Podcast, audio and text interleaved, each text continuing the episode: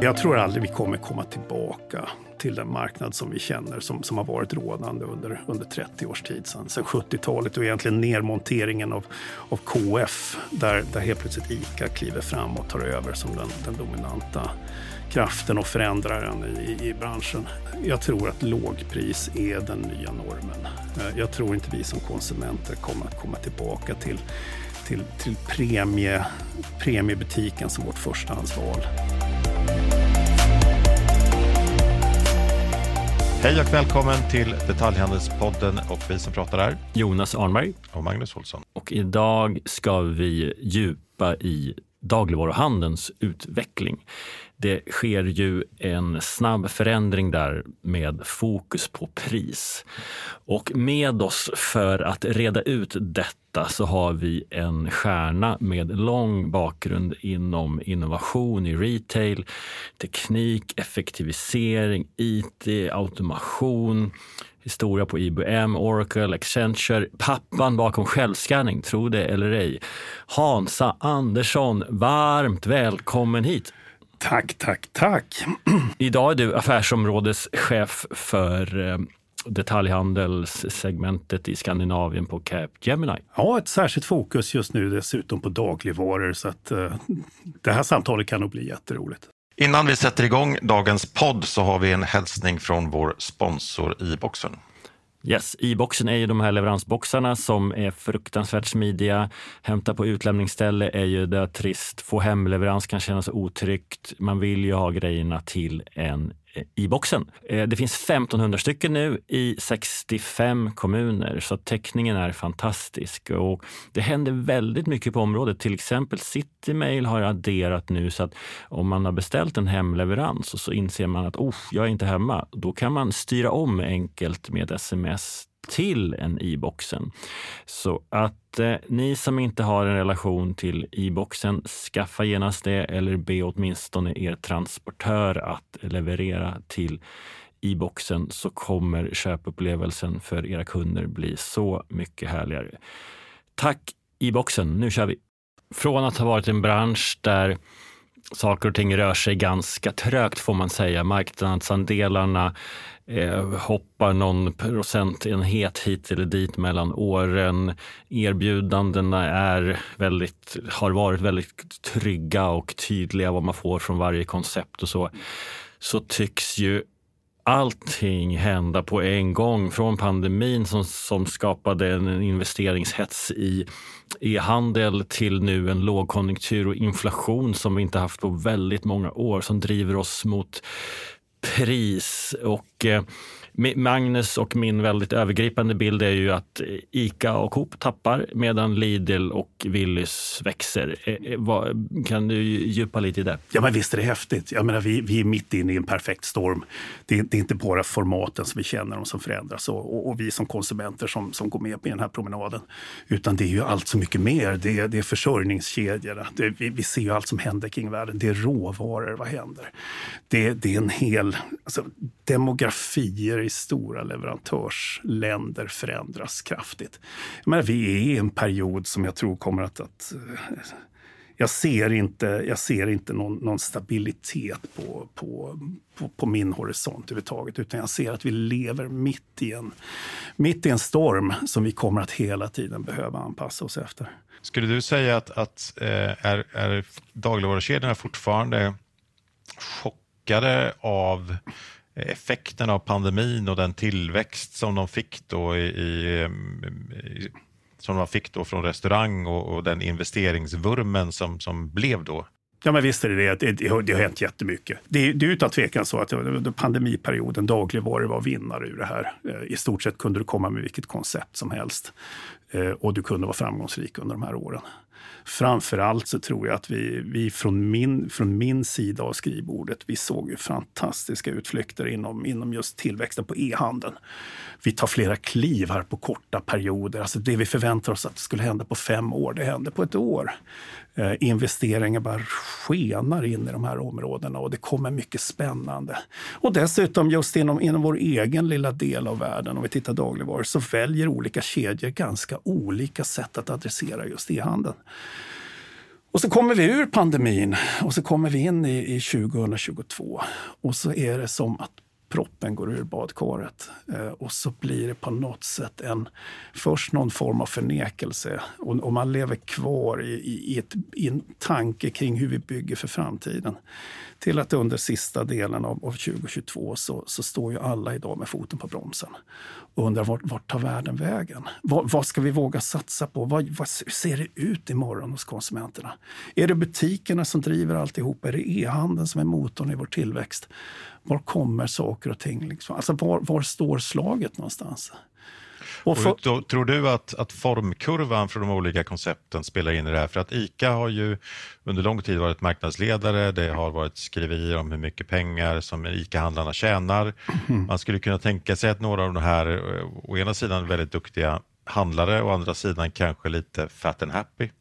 Mm. Eh, och, och, samtidigt som att Lidl och viss mån även Willys haft en utmanande position och liksom hela tiden varit beredda att kämpa och slåss. Mm. Eh, hur, hur, spelar det in i det som händer nu, tror du? Jag tror att det är så här och jag, och jag, och jag, jag får, väl, får väl vara ärlig med att säga att jag har en relation till, till alla eh, på ett eller annat sätt. Eh, jag summerar, gärna, jag summerar gärna olika kedjors framgångar i, i egentligen var deras själ och hjärta sitter. Om man, om man skalar av löken och kommer in i kärnan på, på, på ett, ett erbjudande, på ett kundmöte, så, så drivs ju ICA av, av dessa fantastiska handlare det ICAs framgång ligger i, i väldigt, väldigt engagerade butiksägare. De har sin egen plånbok i sina butiker. De har ett väldigt, en, en, en väldigt, väldigt stark drivkraft att, att göra sina butiker så bra det bara går. Och ICA-formatet har passat dem därför att det har låtit dem ha väldigt stor frihet i hur de själva vill driva sitt kundmöte, vilket sortiment de ska ta in, hur, hur formaten ska se ut, var de kan etablera sig. Eh, det har funnits en samverkan mellan ICA-handlarna, både, både i stöd och i konkurrens, men, men som ändå har skapat förutsättning för framgångsrika handlare att dyka upp. Sen har du Coop och Coop, någonstans mitt i kärnan på Coopen så ligger ju fortfarande den gamla, gamla samverkanstanken. Vi, vi ska samarbeta, vi, vi, vi driver det här, vi är ett medlemsföretag även om det, det börjar tagga lite grann på kanten. Men Coop har en helt annan förutsättning att göra saker i samlade initiativ. Vi tar ett, ett grepp över hela, vår, över hela vår verksamhet och så samlar man sig. Och det här har blivit än mer tydligt de senaste åren hur, hur konsumentföreningarna liksom har, har närmat sig den centrala, centrala organisationen. Och vilken, vilket läge Coop egentligen har utifrån varför man grundades. Ja, tanken om en absolut. kooperation som ja. går ihop i, i, särskilt i dessa tider för att se till att få mark, liksom, låga priser till, till alla. Och nu är de väl mer ett, eh, till mm. för ja, medelklass som, som tycker om hållbara produkter. Men, men de har ju ett otroligt läge i ko den kooperativa tanken. Tveklöst så. Och det, jag tror framförallt inom, inom ledarskapet på Coop så är det en av, av kärnvärdena som man vill kommunicera. Nu är det precis som du säger, att jag, jag tycker att, att miljöledning, alltså eh, ledartröjan på miljösidan ligger absolut i, i Coops famn just nu. Eh, ska vi titta på, på vännerna på Axfood så har jag väl sagt under de sista fem åren att det är Axfood man ska hålla ögat på. Man, man ska titta på vilka som leder förändringsarbetet just nu.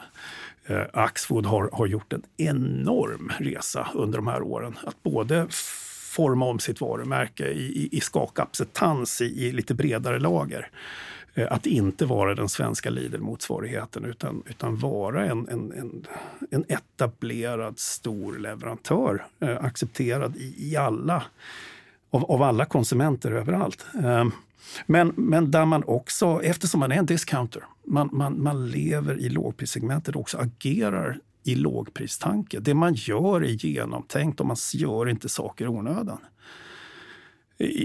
Jag skulle gärna, jag skulle gärna prata om, om, om, om e-handeln kring, kring ICA lite grann. Eh, i det att, ja, men ni, ni som jag har följt vad som händer inom e-handeln. E-handeln skenade iväg under, under, under pandemiåren.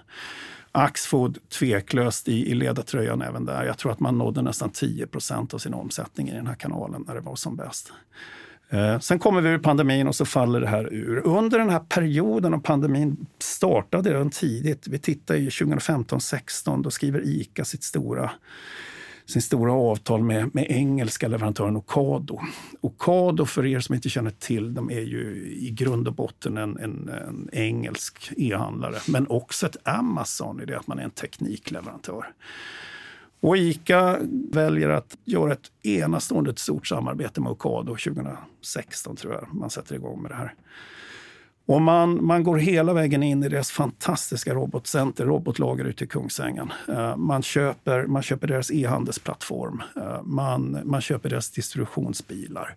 Eh, det, är ett, det är ett jättestort samarbete man har och man satsar verkligen på en framtid för där e-handeln är en, en, en avsevärd del av, av, av, den, av det erbjudandet man ska ha.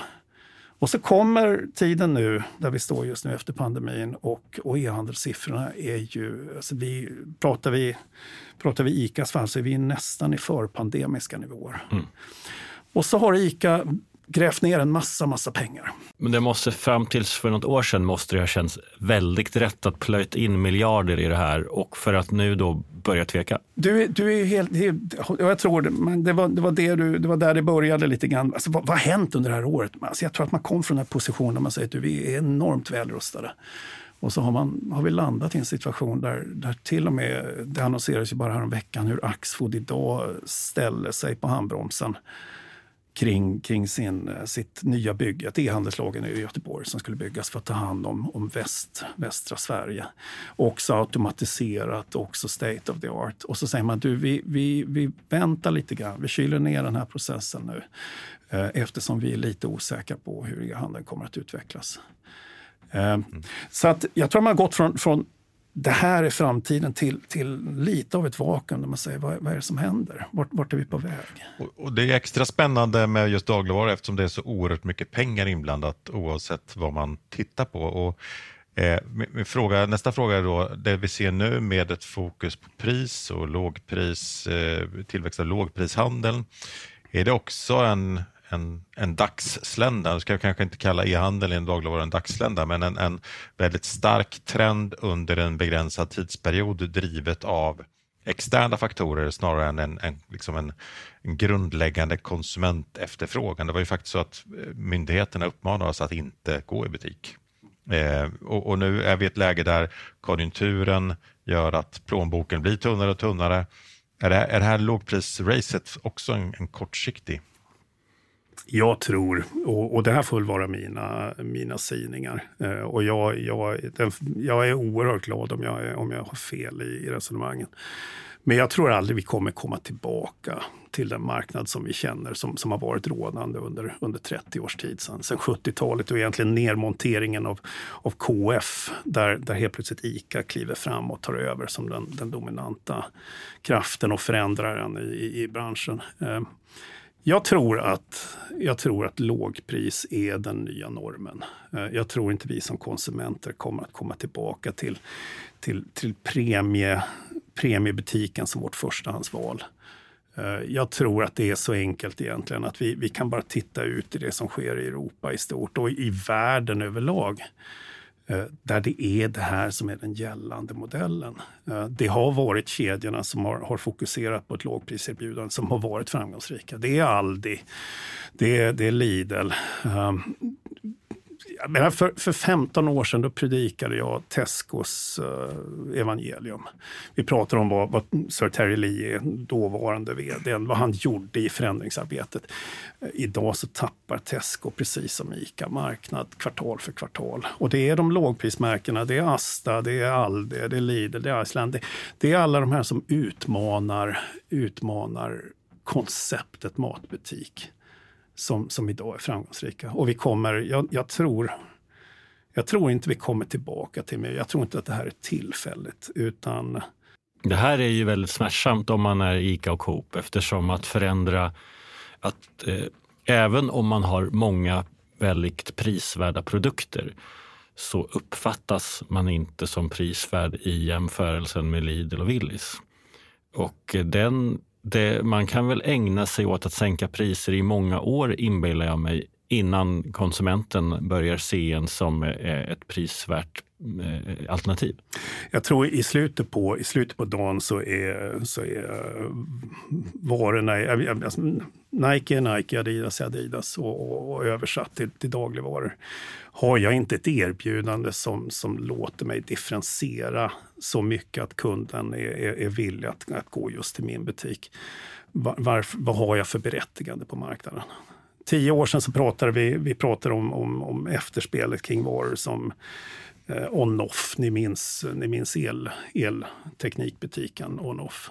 Och vi pratar om hur konsumenten antingen är ute efter och letar till, till bästa värde av, av en produkt. Om man säger vad, vad får jag ur den här produkten? Eh, kontra vad, vad är kostnaden för det här för, för, för det jag ska köpa. Och att kedjor som befinner sig i mitten, som varken erbjuder högsta värde av, av, av det jag ska, ska ha eller kan erbjuda till lägsta pris, de, de trycks undan. Utan vi, vi kommer till två polariteter. Antingen så är man saluhallen eller så är man lågpriset.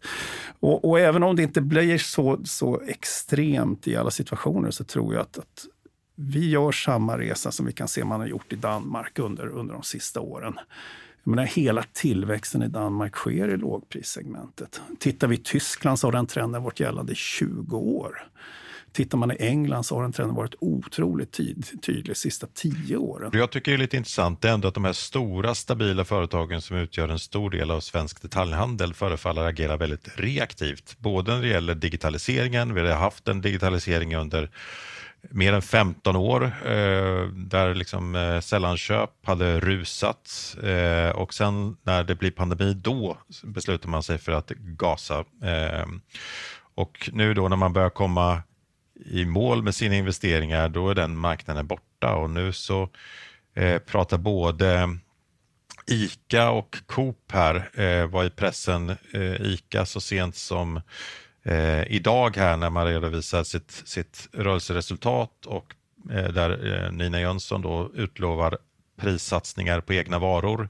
Igår var Coops eh, vd ute i eh, Dagens Industri och pratade om att man, rubriken är att man, man vräker ut butiker eh, i form av extra formatet. Det blir så oerhört tvära kast på en marknad som egentligen är så stabil och där, där vi konsumenter är rätt tråkiga. Visst finns det en tröghet i allt som det sker.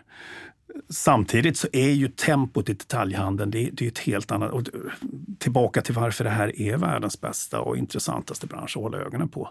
Det är att den hela tiden försöker följa konsumenten. Eh, jag hade förmånen att sitta och prata i ett annat samtal där vi försökte jämföra vad som händer i detaljhandeln med till exempel banking och Eh, vi hade offentlig sektor med på det också. Vad händer kring det digitala samhället och, den digitala medborgaren och alltihopa. Och, och samtalen är egentligen de samma, drivkrafterna är de samma, men tempot är helt olika. Där, där, där banken kan hålla en, en puls i det hela så blir detaljhandeln den är uppe i 16 delar. Därför att kunden är så snabb med att flytta i lojalitet. Jag har varit kund i den här kedjan i 20 år, men det betyder ingenting därför att imorgon så kommer jag gå och handla här borta. Därför att Nike är Nike, Adidas är Adidas. Det är samma vara jag köper. Och framförallt när vi kommer till en situation där pengar börjar bli trångt. Jag tror att man sa att, att en genomsnittlig svensk familj då under, under 2023 kommer ha ungefär 9 000 kronor mindre i plånboken varje månad. Det, 9 000 kronor är mycket pengar Eh, det är klart, vad kan jag spara? Om, om det är samma vara jag köper, vad är, det, vad är det i mötet med den här kedjan, med den här butiken, med den här e-handeln som gör att jag motiverar mig att börja tulla på det lilla kapital jag har att spela i? Eh, och resultatet är ju precis det vi ser. Eh, det finns en väldig flytt av många konsumenter. Eh, jag tänkte säga framförallt priskänsliga konsumenter som flyttar till lågprismärkena just nu. Nu är det inget nytt under solen för all del och i jämförelsen med ICA, jag menar ICA har inte nått upp i index för, för den här branschen sedan 2018 tror jag det är. Alltså kvartal efter kvartal så har det här sakta sipprat och det är egentligen nu som, som man, man säger du, vi måste, nu måste vi driva upp det här. Nu måste vi få fart på det här. Och så så har du hela historien kring handlarupproret 21-22. Du har, du har hur, hur eh, uh, ICAs uh, eh, ICAs handlarförening, hela allt, hur, hur ägandeskapet av ICA-gruppen går över rakt i händerna på, på, på, äg, vad säger, på butiksägarna själva. Och så händer hela den här förändringen. Man, man saktar ner satsningar kring e-handel, man vänder tillbaka blicken in i butikerna. Hur får vi tillbaka människor in i butikerna? Vad är det som gör att folk vill komma till oss och handla? Och, och det som har hänt då menar du är att handlarna har blivit frustrerad på att varför stoppar vi in miljarder i ett e-handelslager som står tomt medan vi förlorar prismatchen mot Lidl och Willys? Jag tror att det är en slutsats man, man väldigt enkelt kan dra. Och tittar man på det strategimaterial som kommer ut ifrån ICA eh, under, under fjolåret efter, efter uppköpet eh, så konstaterar vi att, att helt plötsligt så är det, är det den, den, digitalt berikade butiken som, som är fokuset. Det är, dit man, det är så man ser utvecklingen. Man tonar ner väldigt mycket av de andra satsningarna. Och det är onekligen så att jag menar, du, har, du har handlare som, som E-handeln har ju aldrig varit enkel för ICA. Det är ett och samma lager, det är Kungsängen som försörjer. Om vi, om vi tar Mälardalen och Stockholm specifikt som exempel så är det ett lager som, som försörjer, det är en servicenivå. Men ICA-handlarna i sig är, är, är fria att själv prissätta sina varor. Eh, ni, känner till, eh, ni känner till situationen med, med Lilla Nära uppe i Brottby. Om, om hur nära i Brottby blir ICA största e-handlare i koncernen därför att man har inget behov av, av, stora marginaler. Man är en liten effektiv butik och man levererar precis samma varor med samma servicenivå som, som, som, en, stor, som en stor Kvantum eller en stor Maxi skulle kunna göra.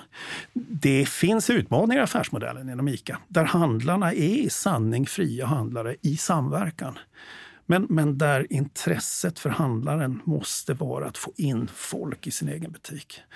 Det är bara ett par, par veckor sedan som, som uh, Lidl annonserade att man hade mer fötter i sina butiker än vad, vad Maxi har. Jag trodde inte att jag skulle få uppleva den dagen om jag ska vara riktigt ärlig. Mer kunder som besöker en Lidl-butik på en vecka än som besöker en Maxi-butik.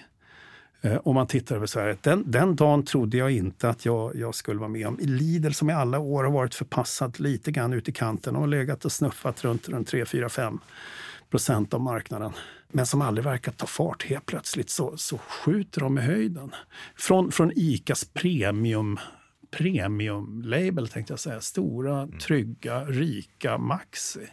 Vår samarbetspartner Extreme Insights har ju gett oss en del data på det här och det bekräftar det du säger. Från att ha varit en bransch där det, det, det händer inte så mycket så ser man ju att eh, Willys och Lidl som är de som eh, över åren har ansetts ha de lägsta priserna så har ICA legat helt okej. Okay, men sista året så har man mm. tappat rejält. Sen ligger ju ICA och Coop fortfarande bra på till exempel ligger ICA jättehögt på tänkbarhet. Det är förstahandsvalet, det är dess plats som är det senaste köpet. Alltså man är ju utan tvekan marknadsledaren. Men det som blir tydligt är att One Stop upp upphör och att människor börjar, alltså man fortsätter att älska ICA, men man handlar på Lidl också. Och jag inbillar mig då, men hjälp mig, att man bunkrar det billiga varor på Lidl, Willys, men så går man och kanske fredagsshoppar på, på ICA. Och då blir det väldigt intressant.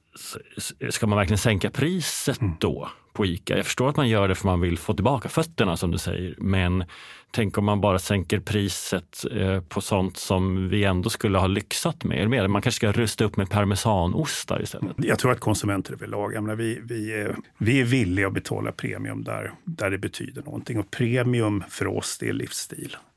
Eh, saker som relaterar till min livsstil, saker som, som på något sätt bygger den, den person jag är. Jag tror inte att jag... Alltså om, jag... om jag kommer in i en butik, jag är inte villig att betala mer än 10 kronor för en burk krossade tomater.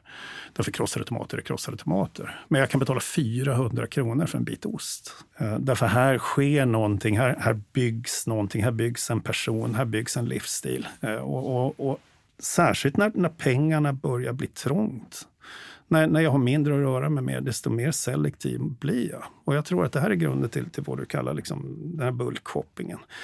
Jag tar de varor som, som inte har någon, någon riktigt stor livsstilspotential för mig. De, de vill jag köpa till lägsta möjliga pris. Och sen de saker som, som verkligen betyder någonting för mig, min familj och mina vänner. Eh, där är jag villig att vara betydligt mer selektiv. Jag tror tittar man på konceptet ICA, eh, jag har känt en väldigt stolthet när jag har jobbat. Jag har jobbat under många år i utlandet. Framförallt har jag jobbat väldigt mycket i Tyskland med, med de tyska kedjorna. Eh, och jag har alltid let, jag har, alltså man ler lite grann i mjugg när man är ute och går. Så tänker man du vad mycket bättre butiker vi har i Sverige. Eh, inte specifikt just ICA, men standarden på en butik, både, både sortiment, butiksmöte, upplevelse av det, utcheckning, hur smidigt jag tar mig igenom alltihopa. Jag har alltid tyckt att, att många länder är en ynkedom mot det vi har. Samtidigt så vet jag inte om det är det som kommer att få mig att, att lägga de pengar jag har att fördela på just den typen av kedja. Jag blir nog betydligt mer selektiv och det är också det som, som är grunden i mitt resonemang. Jag tror att det här är här för att stanna. Vi har vi har åtminstone, och nu, och nu, låter jag, nu låter jag olyckskorp, men jag tror att vi har tio år av ganska turbulent ekonomi runt omkring oss. Även när kriget så småningom kommer ta slut, när, när och vi får hoppas att det händer snart, så, så kommer inte Europa vilja vara beroende av, av rysk olja och mer. Det kommer ta tid att hitta alternativa vägar. Eh, vi kommer se isolation av, av många länder som har tagit olika olika sidor i den konflikt som är just nu. Det kommer slå på försörjningskedjorna.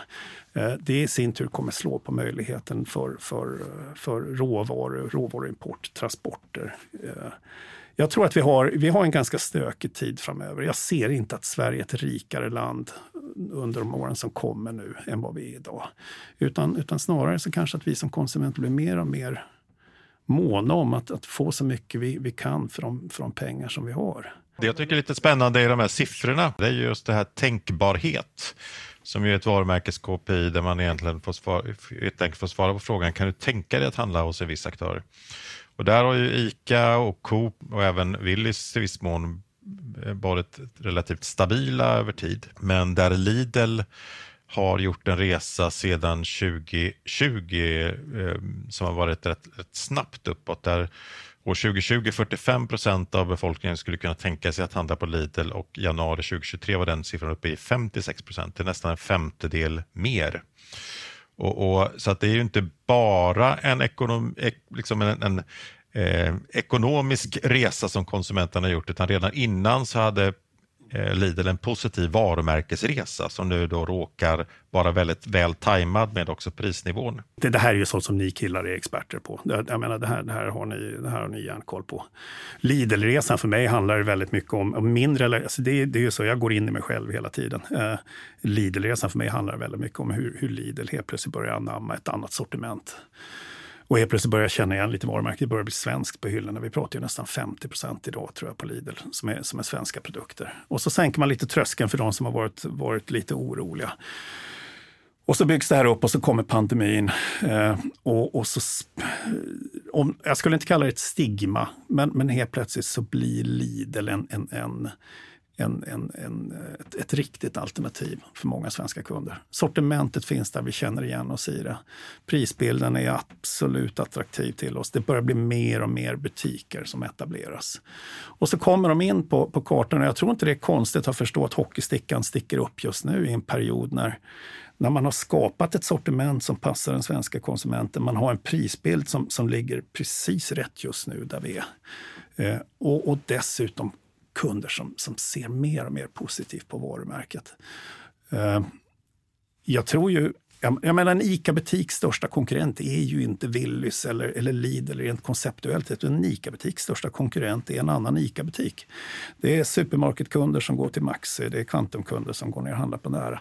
Det, det, den dynamiken är helt annorlunda inom ICA än vad det är på de andra kedjorna och det kapitaliserar de ju på just nu.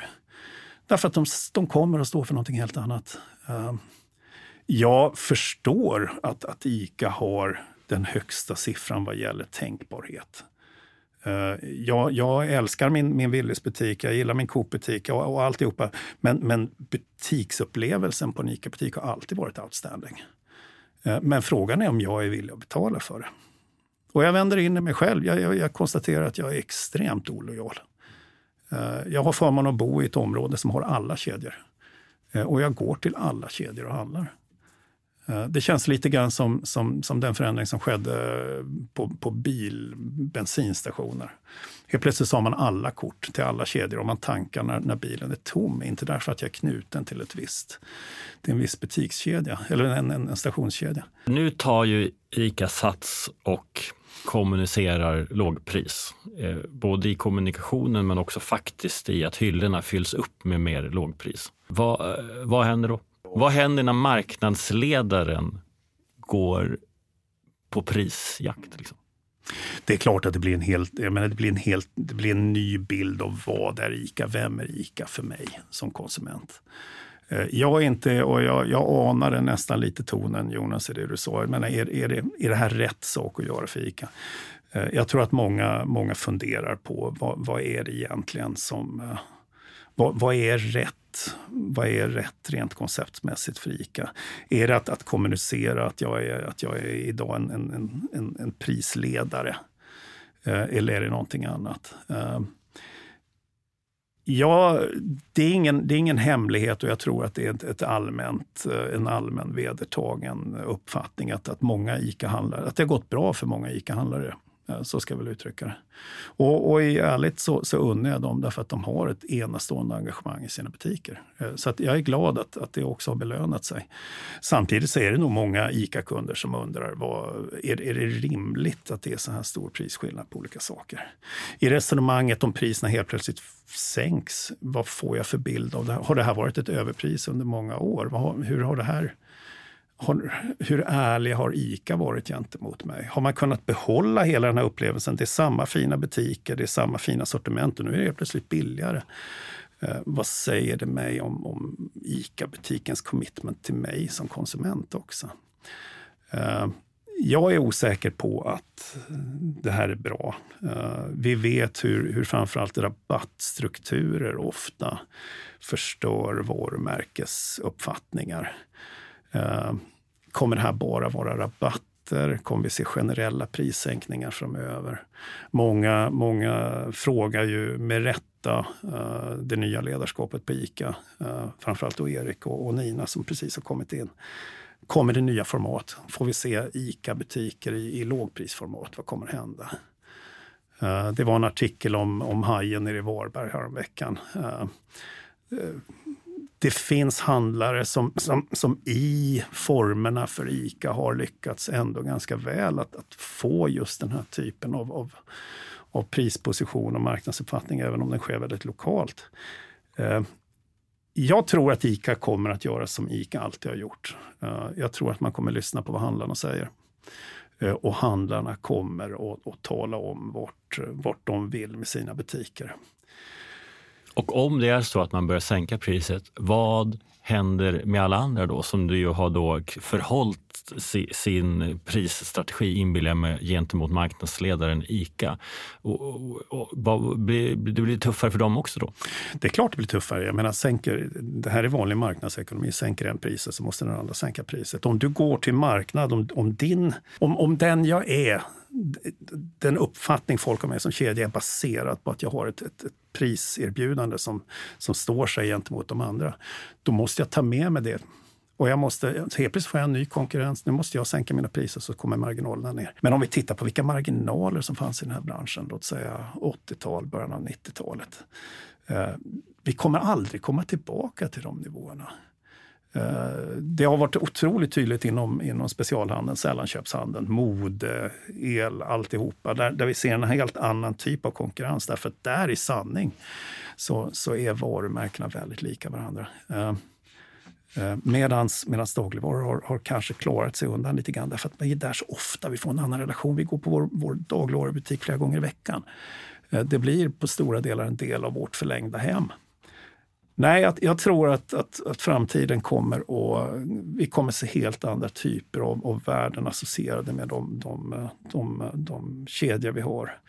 Och marginalerna kommer bara fortsätta erodera. Det, det går, jag går nog inte att gå åt annat håll.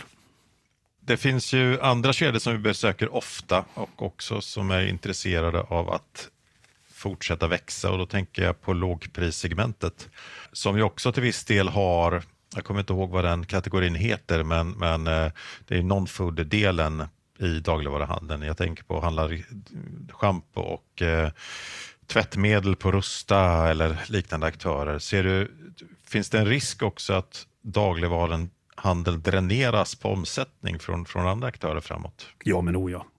Den, eh, jag tror att den, eh, den har pågått länge. Mycket av just det du nämner, den typen av erbjudanden. Eh, städ, städ hygien, eh, produkter som vi idag hittar med en helt annan, ofta ska jag säga en helt annan prisbild i, i andra typer av lågpriskedjor. Eh, den har redan idag tagit mycket av de här segmenten hos våra kunder. Hur påverkar det lönsamheten? För jag misstänker att det är en, en annan marginalstruktur på den delen och dessutom inte någon, någon risk med färskvaror och utgångsdatum och så vidare på samma sätt. Det är en ganska trygg investering för en icke-handlare att köpa in en pall tvättmedel extra. Jo, men visst är det det.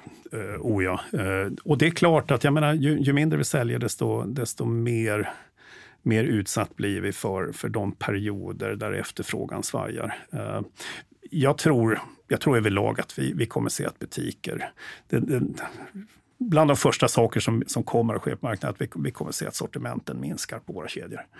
Eh, man satsar mer på de starka korten och det är ju ofta så också att tittar vi på, på de varor som flyttar över in i den här typen av, av andra köpställen så är det oftast inte märkesvaror utan, utan det är någonstans i mellansegmentet. Eh, det, är, det är ett känt varumärke men, men det, är inte, det är fortfarande inte i, i paritet med, med de riktigt stora. Till lågprisaktörerna kan du också addera e-handlare som Apotea, Snusbolaget, alltså aktörer som också tar av dagligvaruhandelns sortiment. Och resultatet blir ju då att en stor dagligvarubutik till slut har reducerats till en liten livsmedelsbutik. Mm. Och det är helt andra ytor du behöver, det är en helt annan lönsamhet. Du var också över i New York och på NRFs Big Show här i januari. Vad är dina bästa spaningar därifrån? NRF är ju, det är ju årets ballaste event tänkte jag säga. Eh, NRF, National Retail Federation, det är ju Amerikas motsvarighet till, till Svensk Handel, stora branschorganisationen som finns och de, de firar varje år. Eh, ett stort event i mitten på januari. Det var ett återkomstår. Vi har haft ett par väldigt fattiga år eh, tack vare pandemin. I, idag så är man tillbaka i sin storhetsdagar. Men budskapen från NRF ligger fortfarande väldigt mycket i, i, i osäkerheten om framtiden. Man har varit igenom pandemin, man konstaterar att branschen har klarat sig väldigt bra. Man har gjort stora förändringar för att, att matcha det som händer. Eh, men, men det var inte så många som sa så här kommer framtiden se ut. Utan, utan fortfarande fanns det väldigt mycket frågetecken. Det handlar om, om inflationen givetvis, det handlar om försörjningskedjorna. Eh, det handlar om hur konsumenten förändras. Eh, vad kan vi tro? Vad, vad händer inom alla områden? Eh, jag, är, jag har ett teknikhjärta, även, även om jag måste säga att jag tror att över åren så blir jag mer och mer humanist i, i, i mina intressen. Gör jag jämförelse mot i fjol så pratade vi väldigt mycket metaverse i fjol. Då, då var det, det var det riktigt roliga, det här virtuella digitala mötet där vi umgås virtuellt. Väldigt mycket drivet av det som händer på Facebook. Eh, nästa steg, man pratar om internet 3.0. Liksom det, det, det är någonting helt nytt, vi blir virtuellt fullständigt. Den tonen var, var sänkt i år eh, och man pratade mycket mer om, om automation, man pratade om, om artificiell intelligens. Hur berikar man alla kundmöten? Hur berikar man alla beslut som ska ta med, med, med, med datastödd information? Och hur automatiserar man? Eh, givetvis så spänner det här överallt, från butiker, allt i, butikstillämpningar. Eh, NRF har en hel våning bara, det man kallar för Innovation Labs. Där man hittar allt från flygande drönare som flyger runt i lokalen till, till robotar som går runt och gör roliga grejer och kollar inventarier i hyllorna. Och det, det finns en otrolig utvecklingskraft i, i det här forumet. Eh, men så finns det också väldigt mycket kring, kring traditionell effektivisering. Logistikkedjor. Hur, hur, får vi en bättre forecast på det vi ska göra? Hur kan vi, hur kan vi börja länka inte bara det vi vet ifrån vårt DC och till våra butiker utan våra leverantörer till våra DCs, till skeppningarna, till produktion i fabriker i andra länder. Hur, hur skapar vi en, en vettig prognos över, över vart vi kommer att hamna när vi behöver ha det? Mycket mycket av, av samtalen handlar just om de här bitarna. Och det har att göra med att branschen är nervös för framtiden. Det sker oerhört mycket på försörjningssidan. Uh, och, och, jag berörde det lite grann, men, men här kommer stora delar av utmaningarna ligga. Men, men de investeringar som har tagits och som man ser framåt nu utifrån, som vi pratade om tidigare, att marginalen kommer inte vara som den var på 80-talet, utan den går bara ner och ner och ner är det handlar om effektivitet, rätt sak på rätt plats i rätt tid. Och liksom ser, ser, ser du utifrån det du observerar någon ljusning i att så här når vi en högre lönsamhet? Ja. Inom handeln generellt kan jag säga att, att det främsta optimeringsområdet du kan hitta är just logistik. Eh, det är där man, man, man gör de stora effektiviseringsvinsterna. Rätt sortiment i rätt mängd. Eh, att inte sitta med saker som så småningom måste, måste resa undan eller sitta med ett fel sortiment till, till vad kunden efterfrågar. Eh, det, det här är det A och det, och det är så grundläggande. Det är detaljhandel 1.0. Liksom. Eh, rätt vara till rätt kund. Det jag, det jag tyckte var, var jätteintressant handlar egentligen väldigt mycket om en annan ton eh, i, i samtalet på NRF.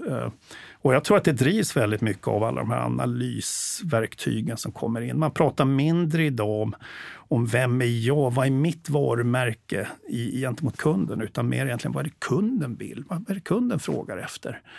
Eh, hur förstår vi våra kunder mycket mer? Och så använder vi det här förståndet både till att skapa, skapa rätt erbjudande till dem. Vad är det han vill ha? Vad, vad kan han tänka sig att köpa av oss? Till vilket pris? När vill han göra det? Hon göra det? Och så får man allt det här härliga stödet kring det och så ovanpå det så, så sprinklar man ut bitar kring, kring ett digitalt kundmöte. Hur upplever vi butiken? Hur navigerar vi butiken? Hur får vi inspiration? Hur kommer recept? Hela, hela den här biten. Uh, jag såg jättehäftiga exempel på saker som talar direkt till, till, till mig. Jag har, jag har döttrar som är i sena tonår och uppåt i 20-årsåldern. När vi pratar middagar så skickar de mig en TikTok-video. När jag frågar vad vill ni äta? Och så får jag en video tillbaka. Det här är vad vi vill ha. Och hur, hur verktyg börjar dyka upp som, som låter mig ta en video från TikTok och kasta in den i en, i en, i en receptanalysator, skulle jag kalla det. Som säger det här är råvarorna i den. Uh, just den här typen av, av, artificiell intelligens, där, där vi kommer ifrån en upplevelse där kunden blir inspirerad att göra någonting i, i väldigt moderna medier. Vi, vi pratar sociala medier, vi pratar game, gamifications-bitar, alltså det som dyker upp mitt i, i upplevelsen när du gör någonting annat. Helt plötsligt så, så finns det en brygga till handel i det. Det här är vad du behöver köpa för att få de här grejerna att funka. Så här mycket av, av koriandern är det du ska ha. Så att eh, den här typen av utvecklingar, den, den tycker jag känns jättespännande. Uh, I övrigt så, så, så, är det ju ett, jag menar, NRF är en, en möjlighet för folk att träffas, komma undan ett par dagar, gå och titta på spännande butiker, alla flaggskeppsbutiker som finns i, i Manhattan. Uh, se hur folk resonerar, olika kedjor tänker, vilket möte, vilken upplevelse vill jag ha när jag kommer till dem. Uh, så att nej, NRF är, är enastående på, på alla sätt. Men om vi om du tar avstamp i, i det och Eh, tittar framåt. Vi var inne lite på centrallager här i Sverige till exempel. Vem lyckas bäst med det nya centrallagret och vem sätter den effektivaste handen framåt här nu? Här finns ju, jag tänkte säga, här, här finns ju tre skolor. Uh, du har en skola som säger vi, vi ska bygga stort och vi ska bygga, vi ska bygga centralt och vi ska automatisera så mycket vi kan. Och så skapar vi stor driftsfördelar. Sen så har du de som, som, som bygger på ett mer traditionellt DC. Vi, vi har mellanlager, eh, vi, vi bedriver framförallt vår verksamhet ute i butiker. Eh, det, det, är det vi behöver göra. Det viktiga för oss är egentligen att vi fokuserar på snabba leveranser. Eh, att butikerna får ut det som behövs. Och sen så har du tredje läget i hela som säger att saker och ting händer i butik. Det är i butik allting ska ske. Eh, det är butik där erbjudandet manifesterar sig. Det är i butik vi plockar erbjudandet. Det är från butik vi distribuerar erbjudandet till våra kunder. Och vi har en demografi i Sverige som utmanar oss därför att alla har ett berättigande. Alla modeller har ett berättigande och kedjor behöver förhålla sig till alla de här grejerna och vi ser just det. Vi pratade i början lite grann om e-handelns utveckling där ICA gick till stora delar mot en central robotiserad automatiserad distribution under, under pandemin och investerade mycket pengar så, så valde Axfood istället att sätta butikerna som fokus i det. Och det var pick-up in store istället. Eh, som konsument så åkte jag till min butik för att hämta upp mina varor. Det betydde också att Axfood plöjde ner mycket, mer mycket mindre pengar i den här omställningen än vad ICA gjorde. Och, och idag så kanske man inte har samma man lider inte av det på samma sätt som man inte heller har förutsättningarna att skala på det sättet som, som ICA ändå har skapat förutsättningar för. Eh, att automationen kommer eh, och att automationen kommer ta över tveklöst. Eh, när man är i New York så har man också chansen att prata med de leverantörer som tillverkar automatiserade butikslager. Har du en större butik, är du en, en stor Coop, är du en Willys, är du en, en Maxi så har du möjlighet idag egentligen att få ett, ett helt robotlager i ditt, i, din, i ditt baklager som kan, kan supporta en, en lokal distribution av e-handel etc. Vi kommer, se, vi kommer se hur den där typen av områden växer under, under åren framöver. Uh, det kommer drivas av många olika saker, inte minst kravet på det lokala. Eh, för samtidigt som, som det sker så oerhört mycket kring effektiviseringar och stordrift och centralisering som, som mål så, så har vi en, en motverkande kraft som handlar väldigt mycket om, om, om, om uh, hållbarhet och, och det lokala. Det finns ju många leverantörer som gnäller om de här centrallagren för att man måste malla in sig och ha en viss storlek på förpackningen och så för att få plats på Axfoods lager.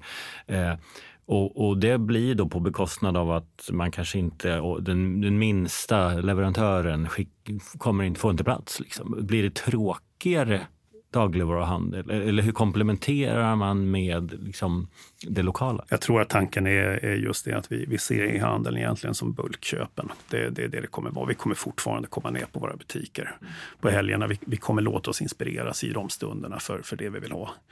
E-handel eh, har haft sitt största berättigande just i den här repetitiva köpen.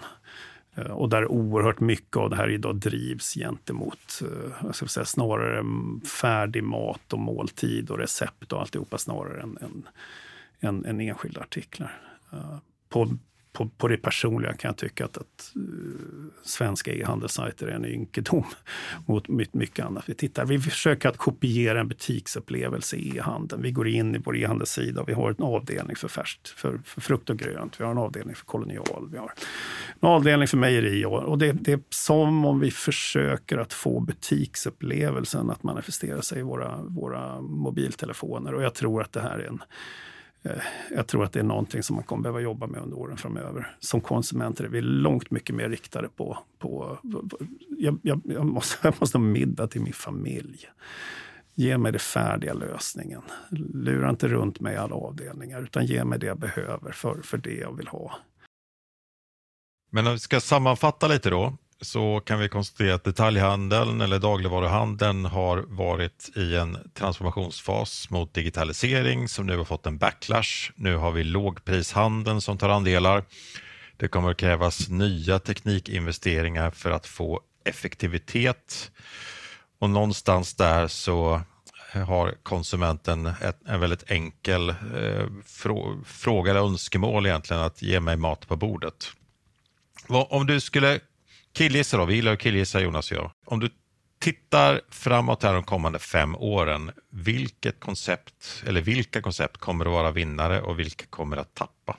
Hur tror du att marknadsandelarna kommer förändras? Vi, eh, jag tror att vi, vi fortsätter i den, eh, i den parabel som pågår just nu. Uh, varumärken som Willys kommer att gå väldigt bra eh, varumärken som Lidl kommer att gå väldigt bra. ICA kommer fortsatt att tappa under en period.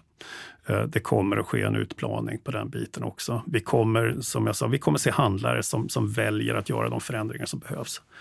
Eh, och så småningom så kommer man komma tillbaka. Vi kommer aldrig och det är inte bara en femårspresent. Min, min killgissning är att vi kommer inte tillbaka till den värld som vi, som vi hade under 2000-talet. Utan lågpris blir mycket att normen blir lågprisbutiker och det kommer vi märka i våra butiksupplevelser. Eh, och sen så kommer vi ha ett alternativ som, som erbjuder en annan typ av värde. Eh, just nu så är det fördel Willys i mycket.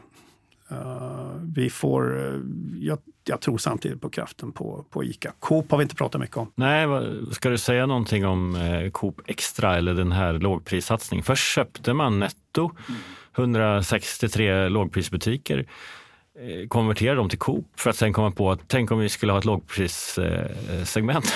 Ja. och, och, och, det kan väl heta Coop Extra. Vad, vad, vad, hände? Jag tror, att det här kom, jag tror att det här kom som en skänk från ovan för ett par år sedan när man började inse att vi har ju, vi har ju möjligheten att skapa ett lågprissegment. Och vi har möjlighet att ha trovärdighet i, i det. Därför att trovärdigheten tror jag är viktig. Uh, det här är någonting annat, det står för sig själv. Det har en annan, det har en annan uh, det har, det har en annat erbjudande till kunden. Eh, Coop kommer att satsa stort på det här. Det, det, det, kan vi vara säkra på. Samtidigt så är det ju så, ja, men så fort vi gör saker så, så kannibaliserar vi det traditionella. Så med det sagt, den traditionella Coop-butiken kommer ta stryk över det här skiftet som sker på samma sätt som traditionella Hemköp, traditionella ICA-butikerna kommer att ta stryk av det också. Eh, att det är den vägen som gäller framöver. Eh, jag tror på betydligt tråkigare butiker eh, i Sverige jag tror på en harmonisering till det internationella, dessvärre. Eh, fem år är kanske en kort period. Eh, ger det det dubbla så tror jag att det ser väldigt annorlunda ut. Okej, tråkigare butiker. Det är en alldeles för trist final. Hans, vi, vad, vad, vad, vad händer där ute som vi kan ta med oss som är inspirerande? Det finns mycket som, som också inspirerar givetvis. Det jag tog med mig, det jag tar med mig när vi, när vi tittar i utlandet och, och vad jag tror potentialer finns mycket händer redan kring, kring ett mer holistiskt perspektiv på konsumenten. Vi, vi ser ju hur, då, hur nära man knyter dagligvaror gentemot apoteksvaror till exempel. Hur man försöker att, att förbrödra de här bitarna. Eh, skapa, skapa en one-stop shop för, för både, både må bra på insida och utsida. Så att säga. Eh, och, och, det tycker jag är, är jättepositivt och det här kommer vi se än mycket mer av. Eh, en av de sakerna jag tror har en, en jätte möjlighet att växa också i vårt område. Det är det, är det man på svenska kallar för spökkök eller Ghost Kitchen. Och det är något som, som dök upp under pandemiperioden där, där restauranger var tvungna att stänga men behovet av färdigmat fortfarande fanns och hur, hur dagligvarubutiker kunde börja erbjuda färdigmat till sina kunder i närområdet. Ultralokal distribution, det är vi, det är de kilometrarna runt våra butiker, det är färdigmat. Och dessutom ge butikerna en möjlighet att hantera en, ett, ett, en meny, ett, ett erbjudande baserat på vilket varor som finns tillgängliga i den lokala butiken just nu. Och på det sättet minska kross och, och, och, och svinn i butikerna. Har vi partier och automater som måste gå ut så kan vi använda det i våra recept och skicka ut det. Eh, vi har redan en distribution, vi har en e-handel, vi har en kontakt med kunden, vi har en trovärdighet. Det är samma matvaror som kunden annars hade köpt. Han känner igen sina tomater, han känner igen sin korv. Eh, det här, Också hållbarhetsmässigt väldigt rimligt att, att sälja förlåt men för dagligvaruhandeln mätt liksom ganska förädlad och högt prissatt färdigmat mm. från saker som man ändå skulle, som man skulle ha slängt. Ja, men visst. Och här tror jag, tror jag betydligt mer på profileringen. Här kommer butikerna försöka profilera sig. Eh, och, och, här finns det butiker som är duktiga på det. Det här, är, det här är Johans meny den här veckan. Den här veckan kommer Johan dela med sig av sina favoriter. Och det är någon i skärken på den här butiken som får vara med och färga det erbjudandet som finns. Och jag tror att det där är ett av de sätten som butikerna kommer att försöka driva lojalitet framöver. Vi blir del. Jag tror att jag pratar om butikerna som, som del av vårt förlängda hem. Eh, den kommer man jobba långt mycket mer på. Och hälsospåret som du också nämnde är ju fascinerande att man inte har gjort mer av. Alltså, jag är ju i min butik i stort sett dagligen, i alla fall kanske ett par gånger i veckan. Eh, och om man kunde få ett erbjudande om att Jonas, idag så ska du äta det här för att må bra, för att sova bättre, för att bli starkare, för att leva längre, vad, vad det än är. Eh, så skulle jag ju vara väldigt intresserad av det. Och det kanske inte skulle vara så fokus på pris heller. Att, eh, eh ge mig, liksom, kränk mig hur mycket du vill med GDPR och allt vad det är. Om jag lever längre så är jag liksom ja. glad och är dessutom beredd att betala för det.